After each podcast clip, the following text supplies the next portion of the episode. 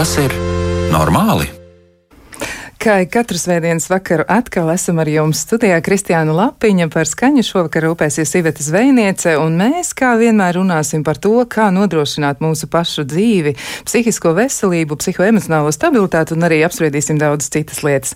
Jā, kā jau katru svētdienas vakaru tiekamies, lai runātu par šo visu, un aicinām arī piedalīties redzījuma veidošanā jūs tajā veidā, ka jūs varat uzdot visdažādākos jautājumus un sūtīt tos uz e-pasta adresi, vai tas ir normāli, at Latvijas radio.cl. LV. Noteikti varat izmantot arī ziņojumu logu Latvijas radio mājaslapā, atrodot raidījumu, vai tas ir normāli.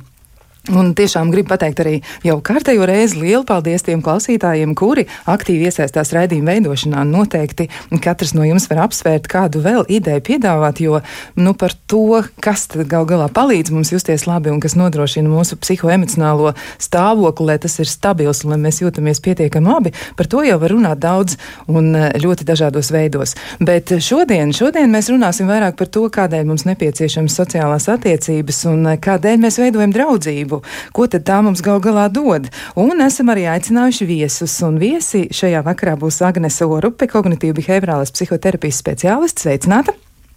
Labvakar. Un vēl esam aicinājuši sarunā piedalīties arī Ievu Mēlni, psiholoģi un arī kognitīva behaviorālās psihoterapijas speciālists. Sveicināti, Ieva! Labvakar. Nu, man gribētu sākt ar tādu nelielu ievadu. Nu, vispirms jau par to, ka nu, tāds, tāds kopsavilkums, kas daudz kur ir atrodams par draudzību, nu, ka draudzība bagātina mūsu dzīvi ļoti daudzos veidos, un draugi sniedz gan praktisku, gan emocionālu atbalstu, ja tas ir nepieciešams, tāpat arī tādus ieguvumus emocionālajai un fiziskajai veselībai. Un jo vairāk Cilvēks domā par draudzību, un jo augstāku vērtību tai piešķir, jo laimīgāks un veselīgāks viņš ir.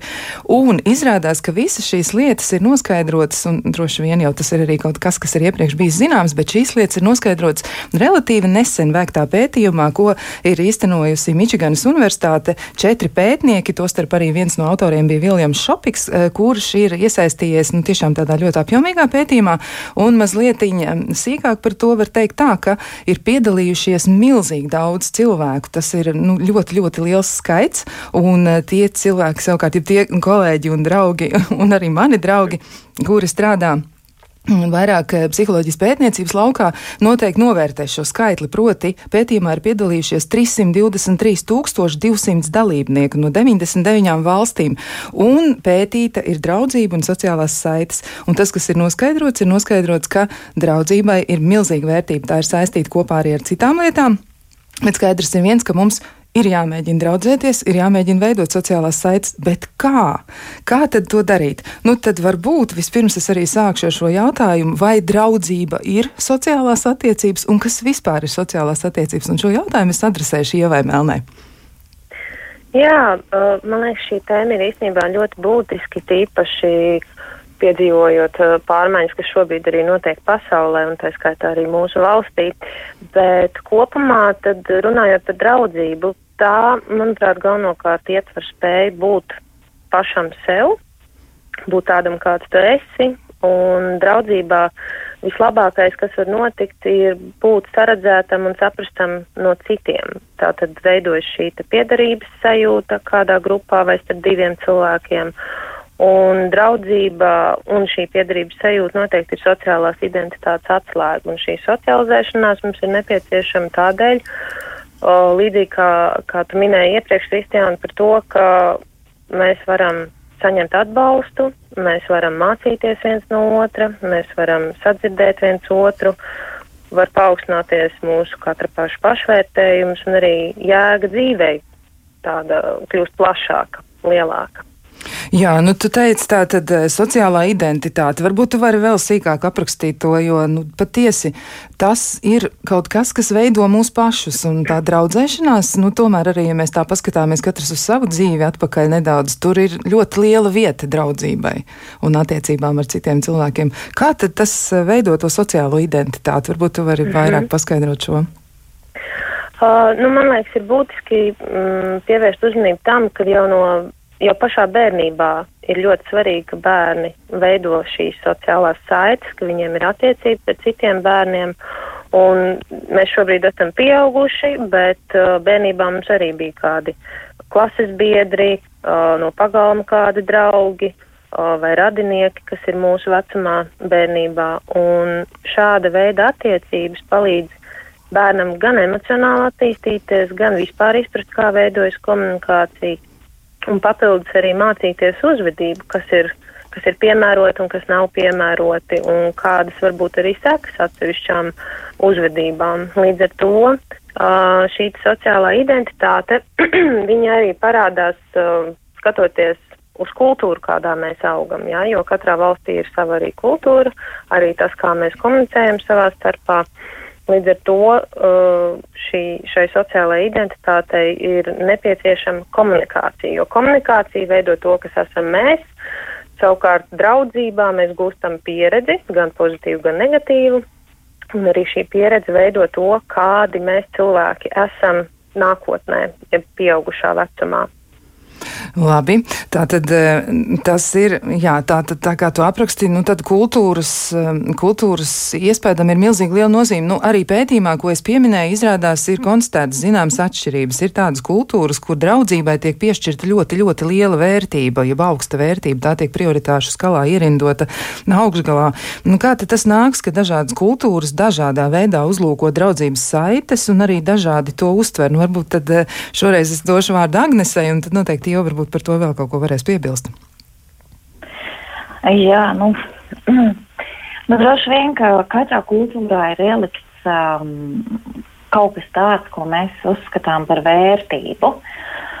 Un, un droši vien tas ir mazliet arī saistīts ar to, nu, kā katra kultūra veidojusies un kādos um, geogrāfiskos un sociāla-ekonomiskos apstākļos mēs esam dzīvojuši, vai mēs esam vairāk kopā, vai vairāk katrs par sevi. Uh, Nu, tad, tad nu, mēs tās vērtības attīstām un, un, un, un pilnveidojam. Bet nu, katrā ziņā skaidrs ir viens, ka ikvienam cilvēkam pasaulē ir vajadzīgs kaut kas, ko saukt par mēs.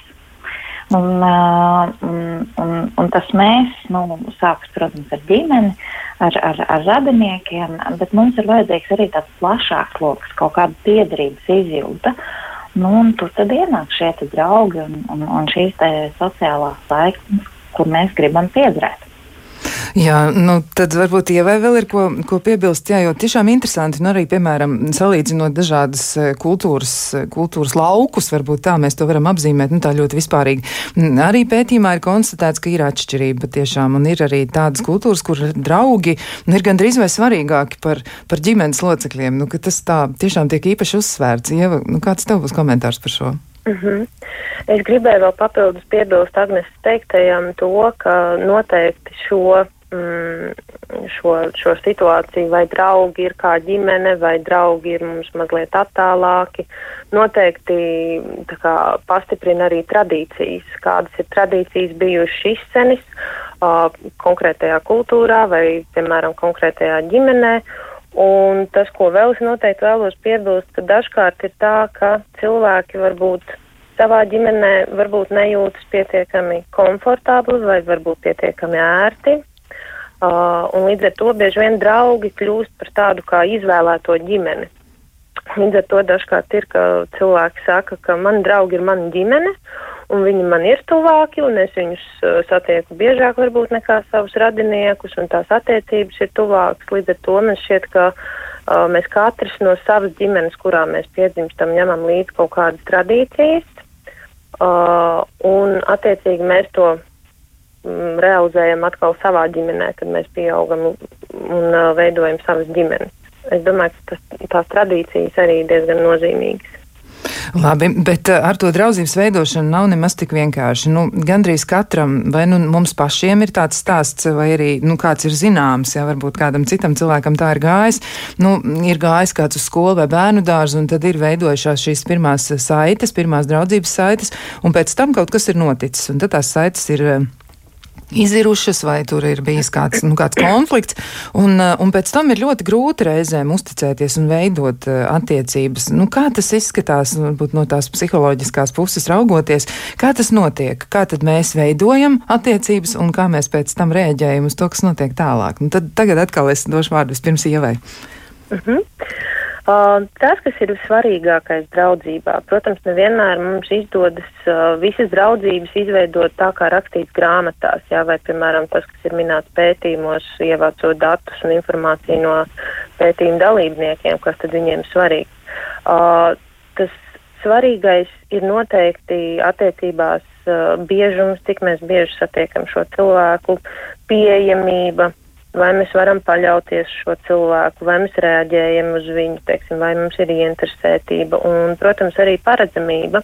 Un šīs visas nosauktās lietas, uh, tas veido to drošības izjūtu par to, ka es varu uh, tevi uzrunāt, es varu ar tevi dalīties, mēs varam rēķināties viens ar otru. Un ja šīs te uh, iepriekš nosauktās lietas kas būtu uh, biežums, pieejamība, paļaušanās, uh, reaģēšana, ja interesētība un paredzamība, ja tas viss izpaužas draudzībā, tad cilvēki bieži vien arī no bērnības uzsāk to draudzību, turpina. Uh, Nu, teiksim, līdz vecumdienām pat bieži vien, bet, protams, nevar izslēgt to, ka dažkārt ir vilšanās.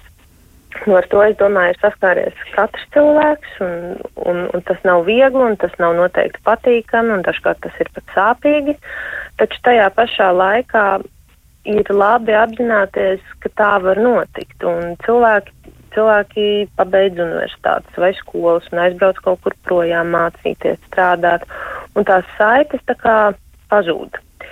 Bet, ja kurā gadījumā jau uz to situāciju paskatās kā uz dzīves sastāvdaļu, ka tā mēdz gadīties, tad uh, ir, ir būtiski, ka mēs kā, trenējam šo pieņemšanas spēju. Un, jebkurā gadījumā nekas neliedz, izņemot varbūt ir kāda specifiska apstākļa, šīs draudzības saites atjaunot. Jā, bet ja nu tur ir kāds noticis, un ja nu ir kāda tāda nu, vilšanās, kas ir saistīta ar tādām ļoti, ļoti dziļām un, un dziļi uztvertām lietām, varbūt, ka arī klausītājs mēs varētu aicināt dalīties ar saviem stāstiem, ja jums ir kaut kas eh, sakāms par šo, varbūt ir piedzīvota tāda draudzības iziršana, un nemaz tas nav bijis kas tāds, ko jūs esat gribējuši, bet nu, tā ir sanācis. Varbūt jums ir arī savas idejas par to, kā tas ir bijis, kāpēc tas ir noticis un kā jūs varbūt esat rīkojušies tālāk. Bet, Agnes, arī tev jautājums, nu tā ir tāda ļoti nopietna pieredze katra cilvēka dzīvē, kad viņš uzsāk draudzības eh, saites un attiecības, un tad kaut kas tur sajiet ne tā. Mm -hmm. um, tas, ko mums saka pētījumi, ka faktiski septiņu gadu laikā uh, gandrīz puse mūsu attiecību, nu, ja mēs gribam būt precīzi, tad 52% nu, nomainīsies draudzīgu attiecību. Tad septiņu gadu laikā 50% no mūsu draugiem nu, tā kā vairāk nebūs. Labā ziņa ir tā, ka šo cilvēku vietā nāks citi. Nu, pētījumi mums rāda arī to, ka, ka tā draugu um, grupa vai tas lokus, kurā mēs uh, esam, paliek apmēram nu, tāds nemainīgs. Teiksim, nu, ja cilvēkam ir pieci labi draugi, tad septiņu gadu laikā plus no viņiem nomainīsies, bet viņam tāpat beigās būs pieci labi draugi. Tādi, kuriem ir vairāk, teiksim, 10, 15, nu, tad tā grupiņa apmēram būs būs um, tāda pati.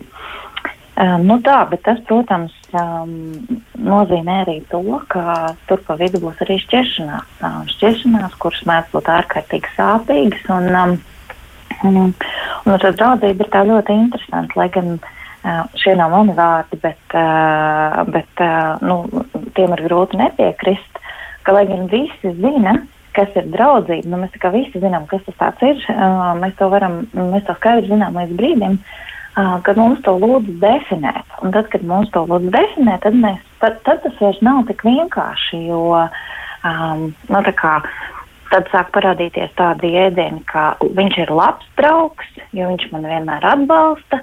Viņš ir tuvs draugs, jo viņš man saprot, viņš ir īsts draugs. Tad, kā, nu, mēs redzam, ka tajās um, ka tajās draudzības iedzienos arī ir nu, ietverts kaut kādas nianses. Un kādēļ es visu šo saku saistībā ar to šķiršanos, tas ir arī tādēļ, ka, uh, nu, ka mēs katru draudzību vai vispār attiecībās nākam ar kaut kādām savām gaidām. Mums katram ir kaut kādas ekspektācijas par to, kas tas būs. Un tajā brīdī, kad tās ekspektācijas vai gaidas nepiepildās, nu, tad, diemžēl, var sekot arī šķiršanās.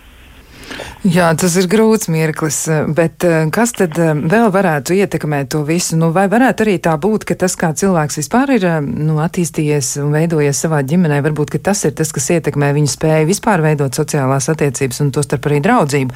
Kā tas ir? Jo, nu, piemēram, piesaiste, ja, nu, varbūt, ka tur var bilst arī vēl pāris vārdus. Kā tas ir? Jo reizēm vecāki arī ļoti, ļoti pārdzīvo par to, kā tas ir, nu, ka viņu bērni īsti nespēja veidot draudzības attiecības, viņi tik ļoti vēlas to darīt. Un, un viņus noraida. Un tur ir kaut kādas tādas, nu, droši vien risināmas problēmas.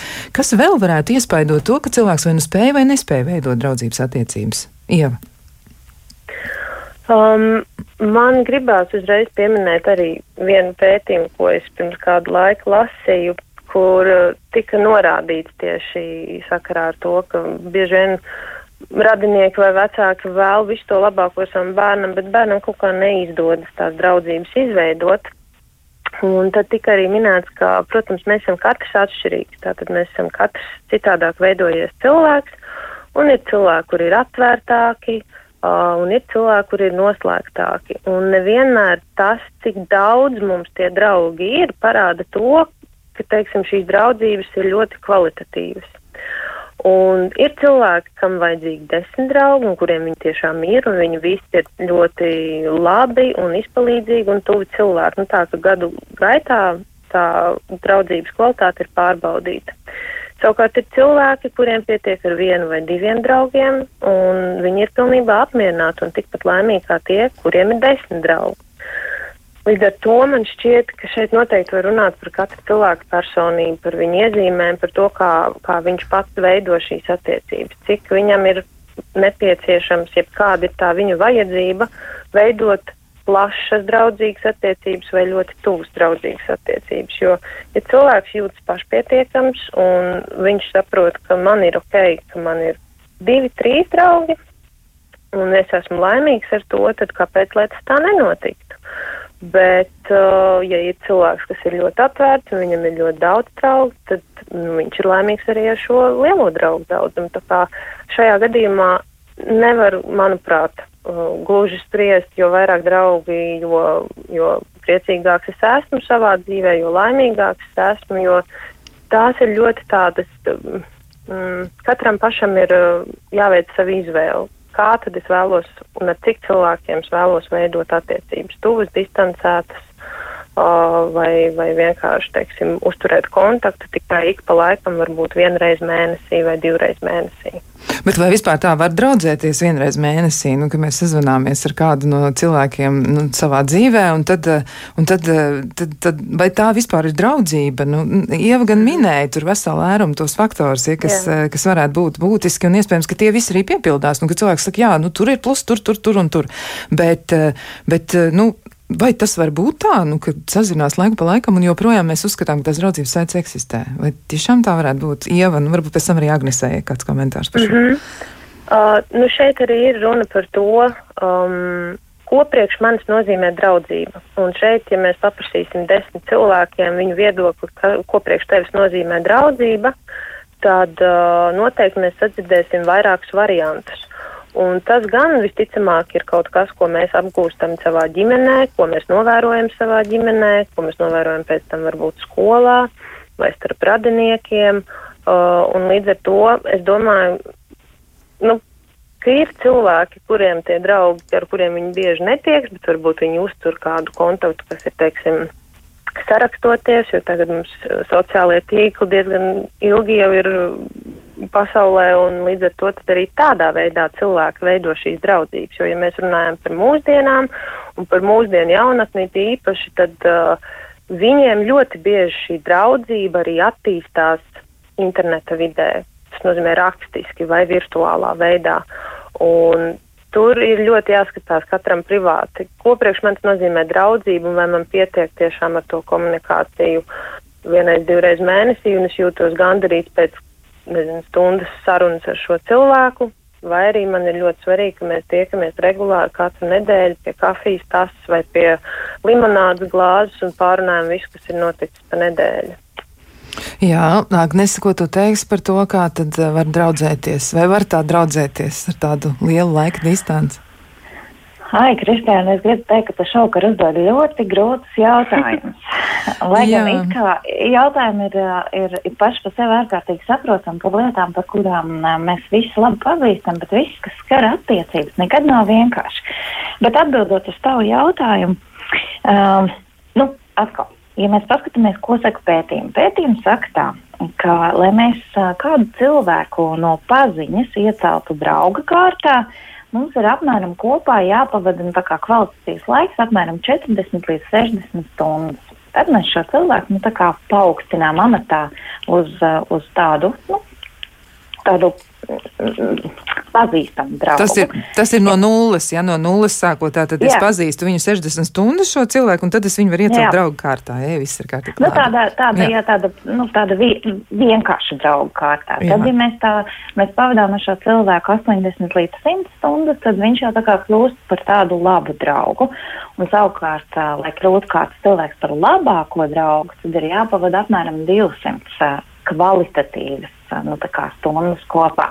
Nu, tas ir tas, ko saka pētījumi, bet tas, ko tu jautāji, ir, kas notiek ar draudzībām, nu, kuras varbūt netiek koptas. Un, uh, no pētījumiem nemācīšu atbildēt.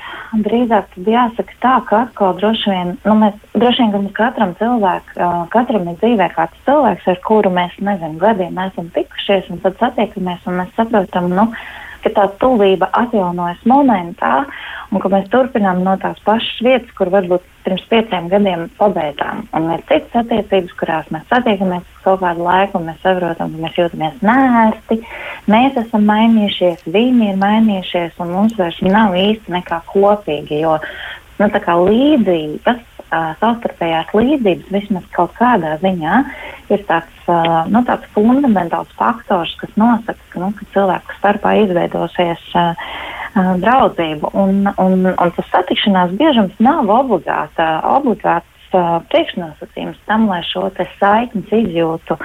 Uh, nu, lai cilvēkam būtu šī, šī saiknes izjūta. Un, un, un, un, godīgi sakot, nu, paskatoties, man ir ļoti daudz tādas tuvas draudzenes, kas ir pārcēlušās uz dzīvi ārzemēs. Un, un, uh, mēs nebūtu nesatiekamies bieži, bet, uh, bet uh, tad, kad mēs satiekamies, nu, tā sajūta ir tiešām tāda, ka viņas nekad nebūtu aizbraukušas. Nu, rekā, tad tev ir labas draudzības saites, tādas dodošas un jaukas, bet um, klausītāji arī ir iesaistījušies un raksta dažādas lietas, un uh, viens no komentāriem un arī pieredzes stāstiem ir tāds, ka mana pieredze draudzīgajās attiecībās dzīvesvietram konstatēja nieraivēs, nu, tādu ļoti, ļoti nopietnu, nu, tiešām, nu, tādu traka, traka lieta, tā vienkārši sakot, jā, bet tā tad uh, tiešām nopietna slimība, un pēc kāda laika viņš bija gulošs un kopjams, un kāds no draugiem vienkārši izzuda. Un tie, kas palika, ir joprojām. Pazudušie atradās, tikai es to vairs nespēju pieņemt un esam šķīrušies. Un tie, kas palika, tie ir draugi ar pārbaudītām vērtībām. Nu, rekā, nu tā tad ļoti, ļoti nopietna slimība, tiešām ļoti, ļoti tāds, nu traģisks stāsts, es pat gribētu teikt, un, un ret kā ir. Un tā tad notiek kaut kas tāds, kas, laikam, to draudzību nu, savā ziņā pārbauda. Nu, tādas situācijas droši vien arī ir ne pavisam netik reti, varbūt ne ar tik ļoti lielu tādu nu, notikuma mērogu, bet tomēr, kas tad liek pārliecināties par draudzības attiecībām un vai draudzība, ja reiz tā ir? Nu, tāda nu, tik trausla un, un, un tā ir zudusi. Un, ja iekšēji tā sajūta ir tāda, ka nevar atjaunot draudzību, vai vispār var cerēt uz šīm saitēm, ka tās kādreiz varētu arī nu, kā, atsākties. Varbūt uh, Ieva par šo var kaut mm -hmm. ko teikt. Nu, kā tas ir? Jo tāda ļoti, ļoti nu, grūta situācija. Nav -hmm. šaubu, tā ir grūta situācija, un cilvēks visticamāk cerēja uz draugu atbalstu, varbūt pat neapzināti, jo tādos mirkļos mēs ļoti, ļoti sagaidām draugu palīdzību. Kā tas ir? Mm -hmm. uh, man tiešām žēl, ka tāda pieredze bija, bija jāpieredz šim konkrētajam klausītājam.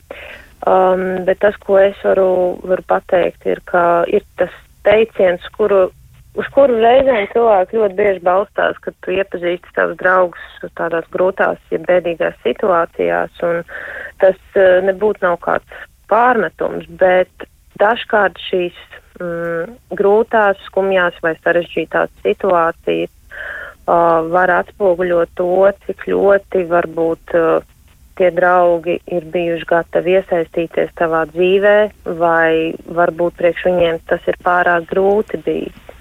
Jo te atkal mēs varam runāt par to, kāda katram no mums ir tā pieredze, jā, jo um, ir cilvēki, kuri baidās no daudzām dzīves situācijām, un viņi vienkārši no tā izvairās, un dažkārt tas vainagojas ar šīs draudzības beigām. Un nevienmēr tas ir tādēļ, ka viņi domātu, varbūt, ka šī otra persona, kas piedzīvo grūto momentu, ka viņa ir slikta vai, vai nepatīkama vai kā citādi, kad negribās kontaktēties, bet cilvēki pazaudējas sev nezināmās situācijās, un ļoti bieži cilvēki nezina, ko darīt vai kādu palīdzību ieteikt. Un šeit atkal ir ļoti arī, teiksim, situācija, tad, kad mēs zinām, ka mūsu kādam uh, draugam ir kāds uh, tuvs cilvēks aizgājis mūžībā, un es ļoti bieži esmu dzirdējuši uh, gan, no, gan no saviem draugiem, gan arī no paziņām, gan arī no klienta puses, ka cilvēki dažkārt apmūst, viņi nezin, ko man viņam pateikt kā man reaģēt uz to, vai ko es varu darīt, un cilvēki bieži vien izjūt bezspēcību. Un tad dažkārt kā risinājumu viņi saredz to, ka viņi vienkārši pazūd no mūsu dzīvēm.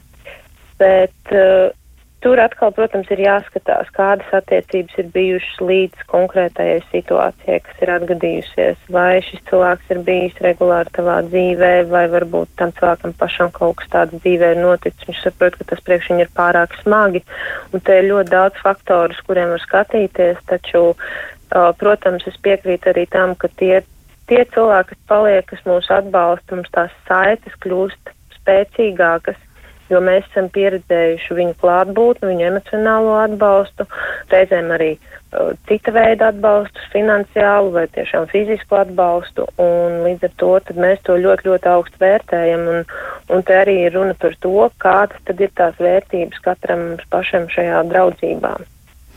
Jā, tādas grūtas lietas reizēm nāks piedzīvot, un izskatās, ka par draudzību ir daudz ko vēl jāmēģina izspriest un saprast, bet to mēs darīsim pēc ļoti īsa brītiņa.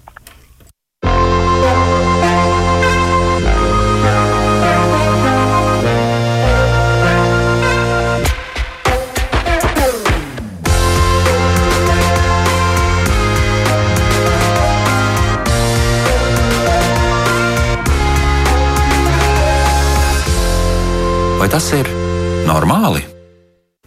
Jā, mēs turpinām sarunu par to, kāpēc mums nepieciešamas attiecības, sociālās attiecības un kāpēc mums nepieciešama draudzība, ko tā mums dod un ko reizēm liek pārdomāt, ko kādreiz iespējams arī atņem. Un esam aicinājuši viesus, un te ir Agnese Orupe, kognitīva behaviorālās psihoterapijas speciālista un Ieva Mēlne, psiholoģija, kognitīva behaviorālās psihoterapijas speciālista. Un man gribētos turpināt ar to, ka, nu, jau iepriekš pieminētais pētījums un autori secinājuši arī vēl vienu lietu. Viņi saka tā, ka mūsdienu mūsdienu pasaulē ir tāda vispārēja sajūta, ka esam nonākuši draudzības krīzē, kurā cilvēki ir vientuļi un ļoti vēlas atrast draugus un savā ziņā gandrīz vai cīnās, lai tos iegūtu. Nu, kā tas uh, iet kopā ar to, ko mēs piedzīvojam? Jo no vienas puses, nu, virtuālā vide kaut vai, kur mums ir tik viegli pieejama, tā mums taču dod tik liels iespējas atrast citus cilvēkus. Vai tāda veida draudzības uh, saites uh, ir uzticamas, kā tās vispār veidojas un kas ir jūsu abu redzējums par to, kā cilvēki draudzējas vai, vai draudzējas? Draudzība kvalitatīva arī varbūt var būt citāda, ja tā ir īsta, reāla draudzība, ka mēs satiekam reāls cilvēks un virtuālā draudzība. Vai tur ir kādas atšķirības? Varbūt šoreiz Agnes sāk.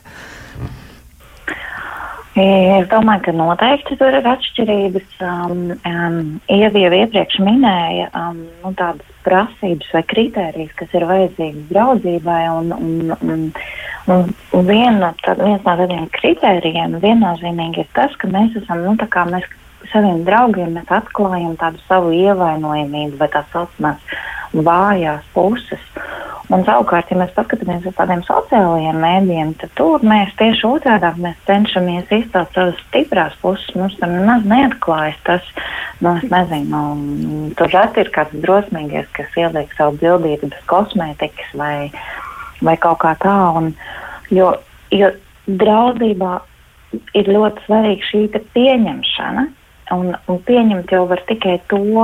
Nu, tikai tad var otru cilvēku pieņemt, ja mēs viņu pa īstam redzam, nu kāds viņš ir gan ar tām savām stiprajām pusēm, gan ar savām netik stiprajām pusēm, ar lietām, kuras viņam sanāk, un ar lietām, kuras, viņas, kurš viņam neizdodas. Līdz ar to nu, es nezinu, kāds ir iespējams dziļums nu, tādās, nu, tādos, ar tādu sociālu tīklu starpniecību. Droši vien kaut kādā mērā viņš ir iespējams, bet es domāju, nu, ka tomēr um, ir tik daudz, kas paliek uh, aiz, aiz borta, ja tā drīkst izteikties. Uh, no lietām, kuras mēs piedzīvotu dzīvē, īstā sarunā, īstā tādā savstarpējā tuvībā, nekā tad, ja mēs paliekam tikai tādā ekrāna līmenī.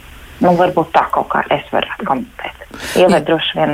Jā, varbūt Ievai ir kas sakāms, un arī varbūt nu, nedaudz var balstīties arī uz to realitāti, uz praksi, ko jūs redzat, jo noteikti, nu, es pieņemu, ka jums arī ir jārunā ar cilvēkiem, un cilvēks stāsta par savu pieredzi, kā tad ir ar to draudzēšanos, un varbūt kāds ir arī izdomājis, ka viņam vajag terapijā risināt šīs problēmas, un draudzības attiecības tiek atzīts par ļoti vērtīgām, bet ko tad darīt, nu, virtuālas attiecības, nu, tur ir attēls, tur ir it kā cilvēks un it kā ir saruna. Kā tad ir? Mm -hmm.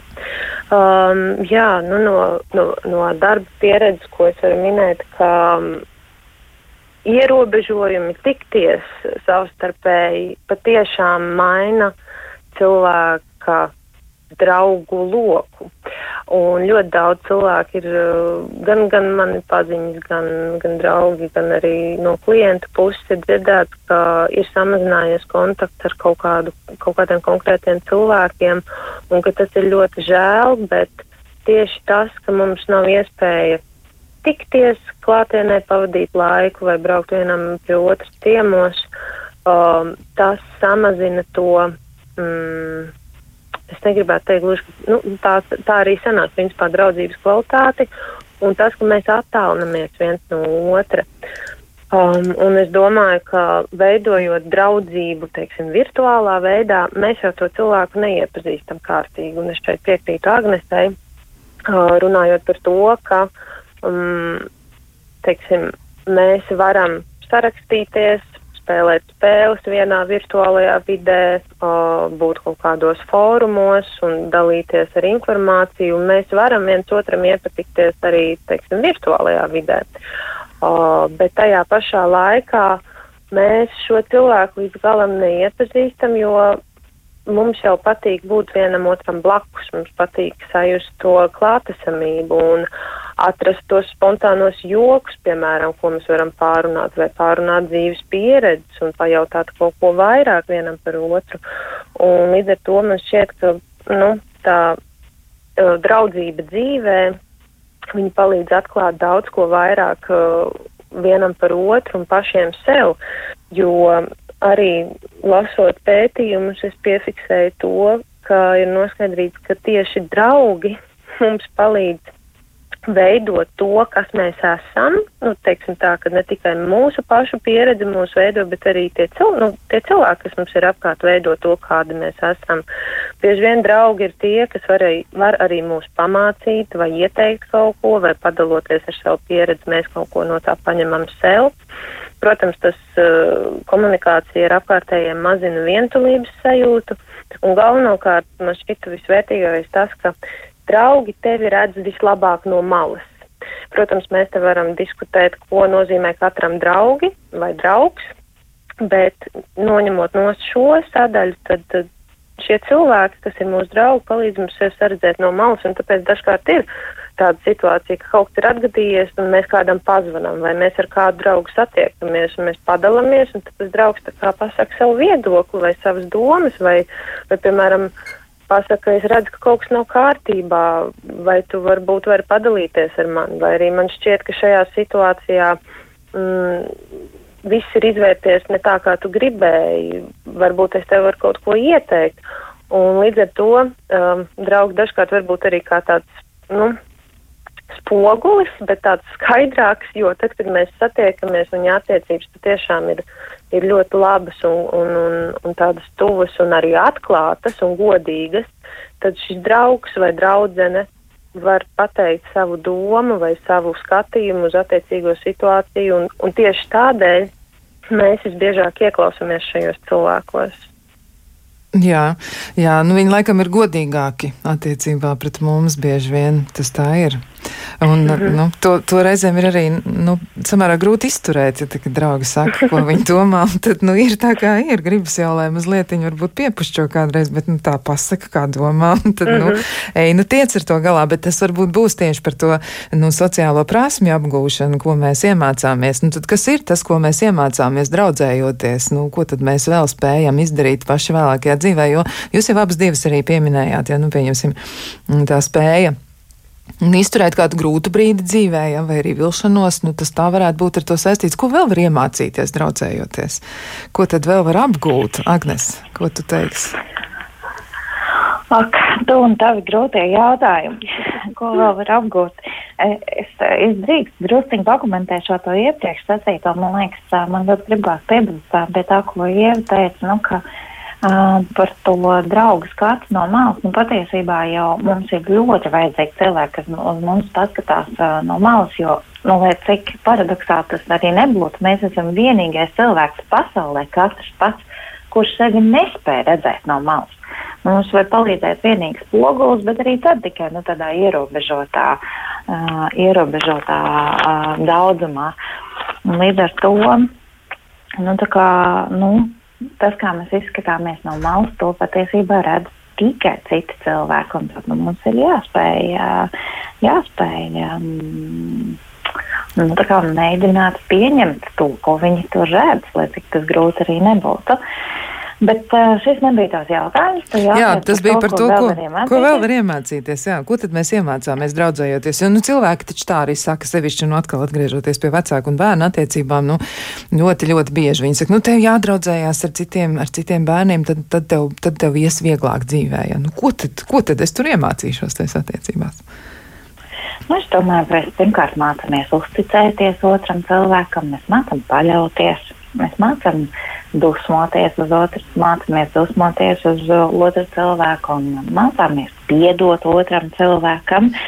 Um, nezinu, mācāmies. Uh, nu, viens no draudzības obligātiem priekšnosacījumiem, par kuriem jau mēs šovakar daudz runājām, ir, ir, ir prasme atbalstīt gan emocionāli, gan reizēm vienkārši arī praktiski prasme saprast otru cilvēku. Nu, būt um, konsekventiem, būt paredzamiem savā uzvedībā, būt nu, saistības mācāmies, um, būt pozitīvi mācāmies. Nu, kaut kā tā. Diezgan daudzas lietas jāatzīst, arī, piemēram, būt paredzamiem vai arī nu, ļaut otram cilvēkam uzticēties sev. Ja, ja mēs sakām, trijos startēsim, ja brauksim uz mežu nu, un slēposim, tad laikam uz tiem trijiem arī būs tā jāsafokusējās. Un tad, ja mēs to nedarām, tad sāk draugi domāt, ka mēs neesam īsti uzticami. Un mēs droši vien tāpat domājam pretējā virzienā. Bet nu, viens jautājums arī no klausītājiem, vai tas ir normāli, ja cilvēkam nav neviena drauga? Nu, tad varbūt Ieva. -hmm. Grūti atbildēt uz šo jautājumu. Vai tas ir normāli, ka cilvēkam nav neviena drauga? Es jau pirms kādu laiku minēju, ka dažkārt cilvēki ir ļoti, ļoti pašpietiekami un viņi spēj dzīvot ļoti daudz laika pavadot tikai paši ar sevi, bet, manuprāt, tomēr uh, mēs esam sociāls būtnes. Tātad cilvēks ir sociāla būtne un iztikt bez, bez komunikācijas, bez draugiem um, manuprāt, tas varētu būt diezgan grūti. Bet uh, varbūt mums ir paziņas. Arī tad, kad mēs aizējām uz veikalu, mēs komunicējam. Arī tad, kad mēs uh, ejam pastaigāties, mēs kādu pazīstamu satiekam un pamājam ar roku. Bet, jebkurā gadījumā, nu, mans personīgais viedoklis ir, ka tas varētu būt ļoti, ļoti grūti. Jo tas nozīmē, ka cilvēks ir pats par sevi un ņemot vērā to, ka cilvēkam izolējoties no apkārtējās sabiedrības, tiešām var arī pasliktināties uh, psihiskā veselība un arī fiziskā veselība. Uh, un man šķiet, ka ir īstenībā ļoti nozīmīgi, ka mums ir nu, vismaz viens tuvs cilvēks, ar kuru mēs varam uh, satikties vai parunāties tuvumā, klātienē vai neklātienē. Un, un, un papildinot arī to, ko Agnes iepriekš minēja, man šķiet, ka arī uh, Tad, kad mums ir draugi, mēs mācāmies um, ne tikai varbūt pozitīvākas attieksmes, bet mēs arī mācāmies atbildību vienam pret otru. Man šķiet, tas arī ļoti tāds, tād, tāda svarīga iezīme, ko mēs varam apgūt komunicējot ar, ar tuviem cilvēkiem, varbūt netik tuviem. Un papildus, ja mums ir cilvēki apkārt, un it īpaši tie draugi, kas ir tuvi, tad noteikti tas palīdz mums mazināt arī stresu vai kaut kādu, teiksim, piedzīvotu kairinājumu psiholoģisku, jo mums ir iespēja gūt šo atbalstu. Mm -hmm. Jā, nu tad uh, vēl jautājums arī no klausītājiem, vai ir iespējama draudzības starp pretējiem dzimumiem, proti starp vīrieti un sievieti, jo šis ir diezgan daudz apspriests jautājums un uh, parasti, nu, veidojot draudzības saites, uh, nu, tad, kad mēs esam bērni, mēs jau laikam par to īpaši daudz nedomājam. Mums ir draugi un ir draugi. Un tad, kad mēs augam lielāki, pieaugam, nu, tad veidos arī cita veida attiecības. Kā tad tas izskatās no tāda draudzības sociālo saišu viedokļa? Ko jūs teiksiet par šo te jautājumu? Jo klausītāji grib arī to saprast. Nu, vai tas paliek draudzības līmenī, vai tas arī gandrīz vienmēr, vai, vai vienmēr attīstās kaut kur tālāk? Varbūt Agnese šoreiz vispirms. Mm. Ah, redz, skaidra šo jautājumu atbildi ir gan jā, gan nē.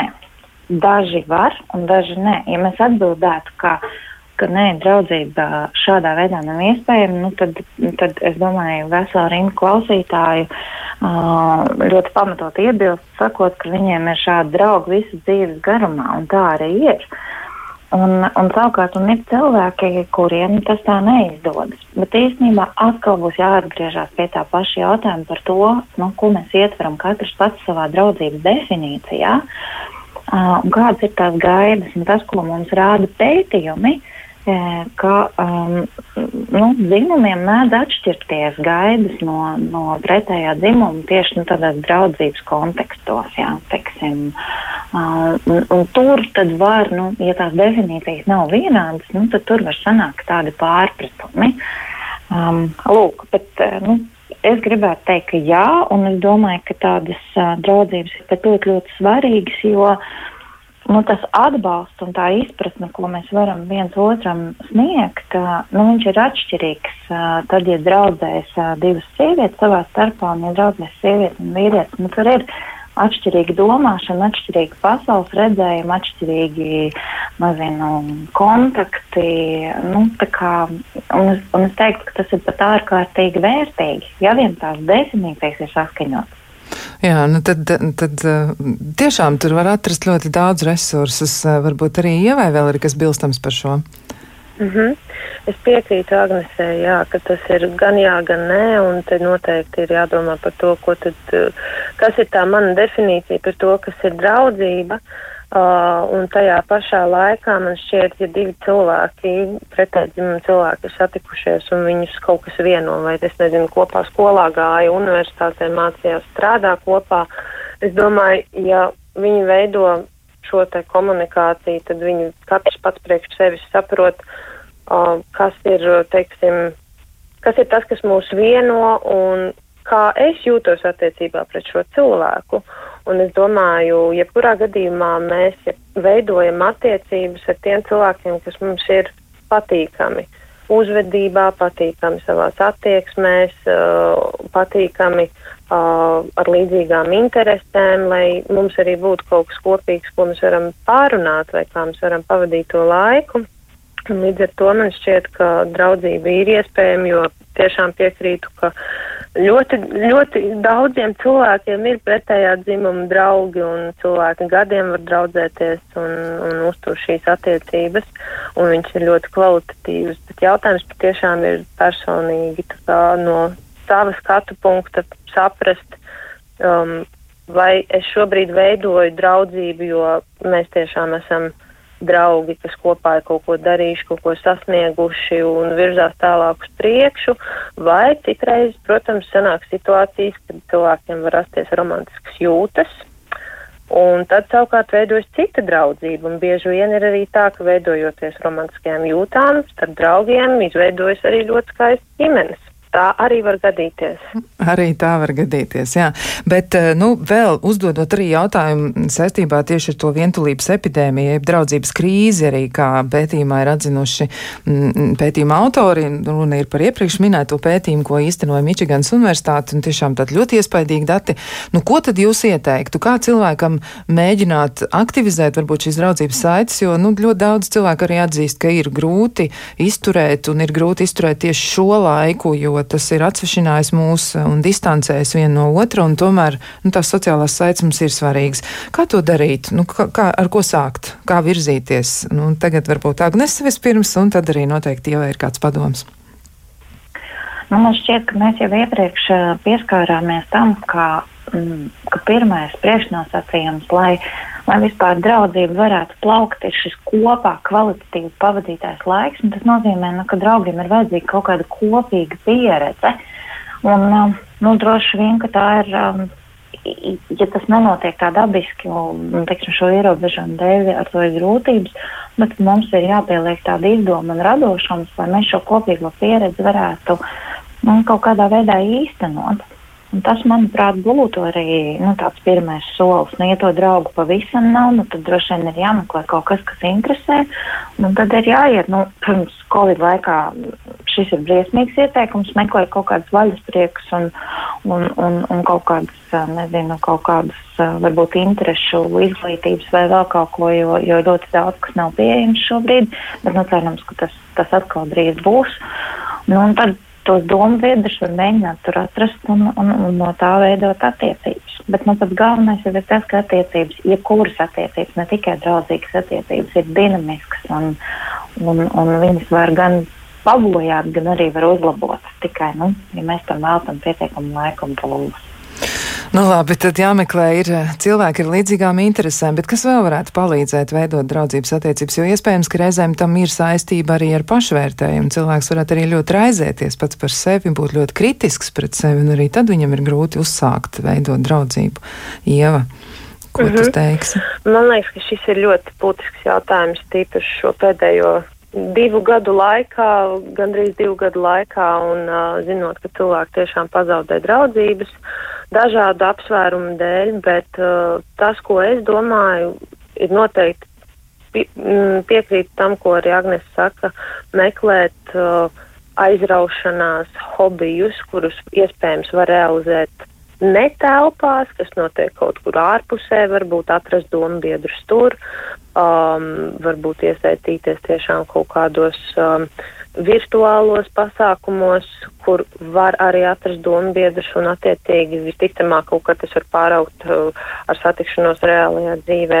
Bet domājot par to, ka ja cilvēks tiešām ir varbūt pārāk kritisks pret sevi, Um, es domāju, ka ir vērtīgi dažkārt arī sevi mazliet paskubināt un pašam sevi, pašam sevi iedrošināt un vienkārši pamēģināt, uh, teiksim, uzrunājot kādu, pajautājot jautājumus par attiecīgo tematu, kas ir interesants. Ja, ja piemēram, man interesē uh, kāds sporta veids, vai, piemēram, skriešana, tad es varētu uzrunāt kādu cilvēku, kurš ar to nodarbojas, pavaicāt vairāk, varbūt apmeklēt kādas ārā nodarbības. Nu, protams, šobrīd ārā ir ziema, un tas tik, tik aktuāli nav šobrīd, taču um, vai, piemēram, pārgājieni vai kaut kādas um, geocachings, piemēram, arī. Šeit tiešām jāpieslēdz radošums, jāsaprot, kas pašam interesē, protams, arī ņemot vērā gada laikus un iespējas, bet man šķiet tas galvenais ir mazliet tomēr arī sev paskubināt un pamēģināt uzrunāt un pamēģināt piedalīties, jo jebkurā gadījumā, ja tā sajūta būs nekomfortabla, šo procesu var apstādināt. Un tas nav tā, ka mēs uzdodam jautājumu un tagad mēs esam ļoti, ļoti dziļās auzās, ja, ja tā var izteikties. Mēs vienmēr varam apstāties, mēs varam paņemt pauzi un padomāt un, un saprast priekš sevis, ok, šis man bija par daudz. Teiksim, man pietika vienreiz nedēļā aiziet satikties uh, ar kādu sevi interesantu cilvēku, jā, un, uh, un vienkārši vadīties pēc savām sajūtām un mēģināt uh, atrast to, mm, kas pašu dara priecīgu un nebaidīties no tā. Un galu galā, ja problēma ir pašvērtējums, tad uh, pašvērtējumu var arī stiprināt. Jā, Jā. Pašvērtējumu, pašvērtējumu var stiprināt, un pašvērtējums ir kas tāds, ar ko noteikti var strādāt. Un eh, te nu ir gan piedāvājums laikam ļoti, ļoti plašs, jo tur jau katrs var pats atrast kādu, ar ko kopā darboties tieši pie savu pašvērtējumu izmainīšanas. Jā, nu šajā brīdī man gribas teikt lielu paldies gan Agnesē, gan arī Ievai, e, abām studijas viešņām, virtuālajām viešņām, gan jāsaka. Un es arī teiktu, ka es būtu daudz priecīgāk, ja jūs būtu šeit uz vietas, bet ņemot vērā apstākļus, nu, pagaidām ir tā, kā ir. Cerams, ka tas mainīsies un mums atkal būs iespēja vienam, viena, vienai otrai ieskatīties acīs un arī piedzīvot to īsto smaidu un arī to aizrautību, kas ir esot kopā un eh, sarunājoties par ko ļoti, ļoti svarīgu. Bet eh, klausītājiem atgādināšu, jā, jūs varat arī klausīties podkāstus ar šo pašu nosaukumu, vai tas ir normāli, ne tikai raidījumu. Un podkāstu savukārt jūs varat atrast Latvijas sabiedrisko mēdīju mājaslapā un arī Latvijas Rādio 1. Jūs arī tā varat to mm, izdarīt. Nu, lūk, bet nu, šai brīdī saku paldies vēlreiz studijas viešņām un klausītājiem. Savukārt mēs varam novēlēt, nu, lai jums izdodas atrast to kaut vai to vienu draugu, kādu, ar kuru var aprunāties un kam var uzticēties. Un, ja tā nav, Varbūt mēģiniet iedrošināt sevi, lai tomēr tas izdodas. Tiksimies atkal nākamajā nedēļā, lai jums skaisti!